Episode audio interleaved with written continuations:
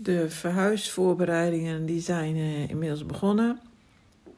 Ik dacht, uh, laat ik nou eens beginnen met dat wat ik twaalf jaar geleden uh, mee heb verhuisd en wat ik vervolgens nooit meer heb aangeraakt en nog in dozen zit of in kastjes gedrukt of ik weet niet wat. Om dat uit te zoeken en um, om dat eens even naar de ROVA te brengen. Nou, dat heeft geresulteerd in een auto vol met troep. Onvoorstelbaar. Dat heb je helemaal niet door dat het overal in alle hoeken en gaten zit. En ik ben nog helemaal niet klaar. Maar ik dacht, nou, dit is wel een hele volle auto. Ik ga eerst maar eens even daarheen. En komt later nog wel weer een keer. Maar het was 70 kilo. Dus 70 kilo gewoon troep waar je niks mee doet. En um, ik vond het ook zo'n onwerkelijk beeld aan. Want het was me druk daar bij dat Rova-station.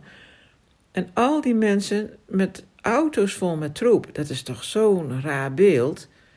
Iedereen die komt daar en die gooit in allerlei containers allemaal troep. Dat, ik, ik had zo'n heel vreemd gevoel bij. En net als bij misschien wat jij toen zei van die mensen met al die, uh, uh, hoe heet die dingen, winkelwagenkarretjes. Winkelwagens of supermarktkarretjes. Niet winkelwagenkarretjes. Nou, maakt niet uit.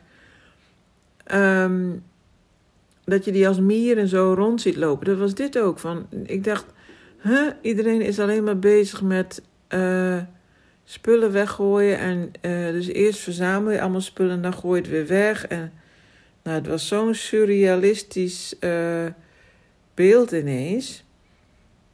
Dat, kun je, dat is dan ook meer een gevoel wat je dan niet echt goed kan omschrijven. Maar het was gewoon wel de absurditeit ervan um, drong zich aan mij op, zeg maar.